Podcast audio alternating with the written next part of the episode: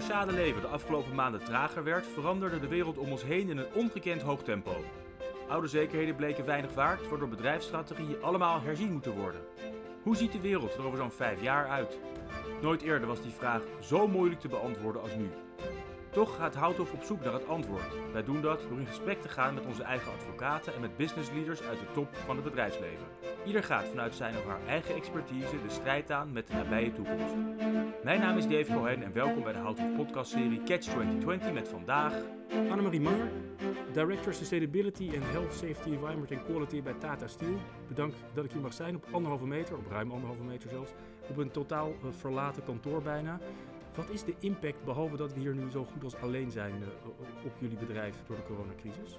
Ja, je zegt het goed. Het is natuurlijk in het kantoor uh, uitermate uh, leeg. Voor heel veel mensen in de fabrieken is er eigenlijk natuurlijk de impact heel anders, want die zijn gewoon aan het werk. Ja, thuiswerken is niet echt een optie als je staal maakt. Nee, klopt. Dus het kantoor is leeg en de mensen in de fabrieken werken door. Met alle veiligheidsmaatregelen die daarbij komen kijken. Want dat is natuurlijk wel anders produceren dan dat dat voorheen was. Dus er zijn veel maatregelen genomen. Er zijn schermen, er zijn beschermingsmiddelen. We, letten op de afstand, we letten op de afstand in de stuurhuizen. Dat is uh, voor hun anders. Maar uh, de tweedeling, zoals je schetst, is wel iets wat ons bezighoudt. Kantoormensen mogen en moeten thuis zijn. En de fabrieksmensen moeten en mogen op het werk zijn. En dan is de uitdaging om die twee groepen toch nog enig, op enige wijze verbonden te houden. Ja, want vroeger uh, in de pre-coronatijd gingen we twee keer per week de fabriek in. Uh, praten met mensen, veiligheidsrondes houden en het gesprek aan. En we hebben nu als eh, kantoor bewust voor gekozen om dat dan uh, nu even niet te doen, om het besmettingsrisico te verminderen. Is dat de grote impact of is er ook gewoon minder vraag naar staal? Nee, de impact is natuurlijk groter dan de directe gezondheidsimpact. En er is zeker ook een uh, economische impact. dus we hebben echt grote vraaguitval gehad, zo'n zo'n 30% vlak na het start van de, van de crisis. En gelukkig zien we uh, dat nu alweer de markt een beetje aan het aantrekken is. Maar we hebben echt zes maanden lang uh, flinke economische consequenties gehad. Heeft dat dan nog consequenties voor de langere termijn? Of, of kun je zover helemaal niet kijken nu? De staalindustrie is nooit een heel erg winstgevende industrie of sector. Dus het hakt er altijd meteen in als je dan minder winstgevend bent. En dat betekent dat je dan ook goed moet nadenken waar je je geld aan uitgeeft betekent dat je alles goed moet doseren. En de voornaamste angst is dat we moeten kunnen blijven investeren in uh, IJmuiden. En uh, nou ja, daar zijn we natuurlijk volop plannen voor aan het maken om te zorgen dat dat uh, kan blijven. En dat het uiteindelijk geen impact heeft op de lange termijn. Laten we het daarover hebben, over die investering. Bij veel bedrijven wordt de gelegenheid nu aangegrepen. Of in elk geval is de roep daartoe om meer te innoveren en om nog meer klimaatmaatregelen te nemen nou, dan valt het niet te ontkennen dat Tata vervuilend is. Minder dan de concurrentie misschien. En daar komen we vast uh, nog over te spreken. Maar als de winst onder druk staat, is er nu dan wel mogelijkheid om te verduurzamen? Ja, verduurzaming is bij iedereen volgens mij veel nadrukkelijker op de agenda gekomen. En uh, als je het hebt over uh, CO2-uitstoot, dan zijn wij inderdaad een hele grote bijdrage binnen Nederland. Als je dat relatief bekijkt, dan zijn we eigenlijk een heel schoon staalbedrijf in de, in de ranking in de wereld. Maar dat wil niet zeggen dat wij uh, niet nog duurzamer willen worden. En dat heeft inderdaad ook nog wel een extra duwtje gekregen door de huidige realiteit. Je moet je wel realiseren, we zijn al 3,5 jaar bezig om plannen te maken voor uh, het staal maken van morgen met minder CO2-uitstoot. Maar nu komen we wel in een versnelling doordat er breder naar gekeken wordt en dat we nu ook gewoon onze plannen in uitvoering moeten gaan brengen. En wat bedoel je daarmee met dat er breder naar gekeken wordt? Nou, ik denk dat het uh, duidelijk is dat iedereen uh, in de coronatijd zich realiseert dat de nieuwe werkelijkheid moet er één zijn waar we digitaal stappen maken. Maar we moeten ook, uh, ook duidelijk de economie zometeen herstellen met fondsen die ook bij gaan dragen aan de duurzaamheid. Dus dat betekent dat er ook vanuit Europees en vanuit nationaal perspectief gekeken wordt hoe kunnen we de industrie CO2-armer maken. En nou, dat is natuurlijk belangrijk om daar dan nu op in te spelen en dan ook ons verhaal klaar te hebben. Nou, laten we dat over dat verhaal hebben. Hoe is dat verhaal zometeen klaar? Het verhaal is, uh, is uh, pas in 2050 klaar als we carbon neutral zijn. Dus het is een verhaal van de lange adem. Maar het betekent wel dat we nu moeten beginnen. We willen in 2030 al 30% minder CO2 uitstoten. En dat betekent dat we ja, binnen nu en een paar jaar moeten gaan bouwen.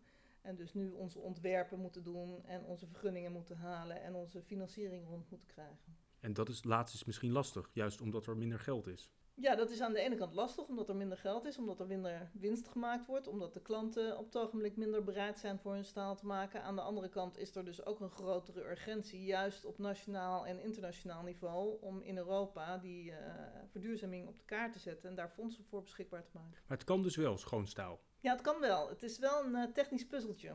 En uh, het is wel een huzarenstukje waarbij je flink moet nadenken. Maar als het ergens kan, dan kan het ook in uh, IJmuiden. Ik, ik, zie meteen enthousiasme als je dit zegt. Ja, ik ben een ingenieur, dus dat klinkt natuurlijk toch wel door dat we dat uh, technische puzzeltje gekraakt hebben en dat we denken te weten hoe we dat gaan doen. leg eens aan een leek uit, en een, echt een totale leek, hoe dat dan kan.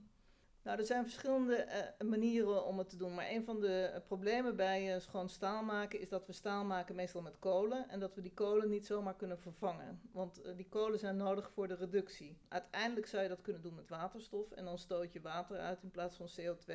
Dat zou natuurlijk een prachtige oplossing zijn. Maar we denken alleen dat die oplossing nog niet op korte termijn er is. Dus we hebben nu een oplossing gevonden waarbij we gebruik maken van de prachtige ligging van IJmuiden voor de kust van de Noordzee waar lege gasvelden in ieder geval een aantal jaren gebruikt kunnen worden om uh, gas op te slaan, CO2 op te slaan. En met dit soort oplossingen of tussenoplossingen is uiteindelijk in 2050, 30 jaar van nu, is het hier in IJmuiden klimaatneutraal. Ja, en dan zijn we niet in, alleen in 2050 klimaatneutraal, maar ik denk ook echt dat we in 2030 een van de eerste staalbedrijven zullen zijn die zo'n enorme stap kunnen maken. 30% reductie op je CO2-uitstoot is niet niks. Je zou kunnen zeggen, we moeten gewoon minder staal gaan maken. Ja, dat kan ook. Maar kun jij je een energietransitie voorstellen zonder staal, zonder uh, windmolens, zonder elektrische auto's, zonder waterstoffabrieken, uh, zonder, zonder staal is er ook geen energietransitie? Nee, dat, dat is een soort contradictie. We hebben, het is nu vervuilend, maar zonder staal is die transitie gewoonweg niet mogelijk. Nee, ik denk dat er geen energietransitie mogelijk is zonder staal. En dan is het natuurlijk belangrijk dat als je geconstateerd hebt dat staal nodig blijft, dat je dan het schoonste staal gebruikt wat er is. En dat gaan we zo meteen in Europa maken. En daar zijn de andere continenten nog niet zo ver mee. In het buitenland wordt staal vaak gemaakt met een CO2-uitstoot van 2,2 uh, miljoen ton per miljoen ton staal. Wij doen dat uh, voor minder dan 1,85 miljoen ton CO2 per ton staal. En de bedoeling is dus dat wij op korte termijn 30% minder gaan uh, uitstoten. In de vorige aflevering van deze podcast sprak ik met Marloes Brands, advocaat partner bij Houthof en onze Head of Climate Change. Over de transitie die jij nu beschrijft, heeft zij een vraag aan jou. Annemarie, kun je mij een voorbeeld geven van hoe wetgeving uh, Tata Steel kan helpen in het uh, realiseren van de klimaat- en energietransitie en uh, de CO2-reductiedoelstellingen? Ja, voor ons is het realiseren van de klimaat- en energietransitie natuurlijk heeft drie grote pijlers. Eén is een technische pijler, één is een financiële pijler, maar de derde pijler is de pijler van de vergunningen, de milieuvergunningen. En daar gebeurt van alles. Daar heb ik het ook wel eens met Marloes over. Want het is ook echt wel aan het veranderen, die wetgeving. Een van de dingen die nu verandert is dat je eigenlijk veel eerder een participatieplan moet maken. Waarbij je met de omgeving in dialoog gaat over hoe die vergunningen een impact gaan hebben. En uh, vervolgens hoop je dan ook natuurlijk sneller je projecten te kunnen realiseren. Omdat er al breder bekend is wat je gaat doen dus het veranderen van die wetgeving en, en ook de tijdslijnen die daarvoor nodig zijn, zijn super belangrijk. En uh, nou, we moeten heel veel verschillende vergunningen hebben voor één project. Dus dat moet dan ook uh, het liefst gecoördineerd worden door de overheden. Dat zijn allemaal uh, zaken die in de wetgeving vastliggen en ook veranderen in de wetgeving. En steeds meer up-to-date komen. Vlak voor de corona-uitbraak er was, ben je van rol veranderd binnen Tata. Je bent nu verantwoordelijk voor de health, safety, environment en quality bent wel meteen in de diepe gegooid. Ja, het is uh, uh, wel een bijzonder jaar voor iedereen geweest, voor mij ook. Ik dacht uh, inderdaad met mijn rol heel veel tijd te spenderen aan veiligheid natuurlijk, heel veel tijd te zullen spenderen aan duurzaamheid. Het hoofdstuk gezondheid had ik niet zo hoog op de agenda zien staan als dat het natuurlijk binnen een paar maanden deed. Dus twee maanden na mijn aanstelling was ik eigenlijk 70% van mijn tijd bezig met ja, corona, wat we daarmee moesten en hoe we daarmee om moesten gaan. Maar het kan niet anders dan zijn dat, dat het ook een hele leerzame periode is. Wat zijn nou de lessen tot nu toe? Ja, het was zeker een uh, leerzame periode. Ik geef leiding aan een internationaal team, uh, waarbij het ook uh, natuurlijk heel boeiend was om te zien, en nog steeds is boeiend om te zien, dat corona in alle landen heel anders beleefd wordt en dat de regelgeving heel anders is. Een van de dingen waar het mij bij geholpen heeft, is dat je eigenlijk door dat hele thuiswerken en het Teams en het Zoomen veel makkelijker en laagdrempelig een internationaal team bij elkaar krijgt. Je hoeft niet meer te wachten, af te stemmen tot je iemand op de gang tegenkomt. Uh, alle beste mensen en expertise kun je heel snel bijschakelen. De dynamiek uh, waarmee je dingen kunt oppakken, kunt communiceren en voor elkaar kunt krijgen, eigenlijk ook wel heel erg uh, verbeterd is. Dus dat reis is niet meer nodig? Dat dachten we misschien de eerste week, hè, van hoe, hoe goed gaat het en uh, uh, wat fijn dat we niet meer hoeven te reizen. Ik denk dat we nu in een uh, stadium zitten dat iedereen het reizen ook wel weer mist. het fysiek in andere culturen zijn, het lijfelijk in een kamer zitten met je collega's, het drinken bij de koffiemachine. Dus als je het hebt over gezondheid, is een van de aandachtspunten die we nu hebben, gaat het wel goed met onze mensen, hè? de well-being. Want er zijn nu echt wel een aantal mensen die thuis tegen de muur lopen omdat ze zesjarige dochters hebben die uh, telkens de kamer binnenkomen lopen. Ja, ik ben blij dat ik hier nu zit. Uh, ik, ik, ben die persoon. Uh, maar wat zijn er dan voor lessen verder te leren die, waarvan je denkt, nou, dat kan nog wel eens gewoon gaan blijven zo?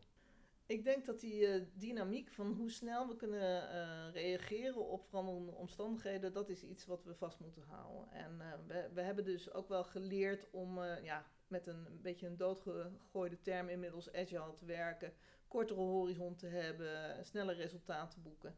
Ik denk dat dat echt iets wat we niet meer los gaan laten. En, Kun je daar een voorbeeld van geven, van dat, die korte horizon? Nou, ik denk dat de hele dynamiek van hoe we nu omgaan met projecten anders is uh, dan dat we dat uh, voorheen hadden. Ik heb nu vaak uh, twee keer per week korte update meetings om te kijken hoe dingen gaan.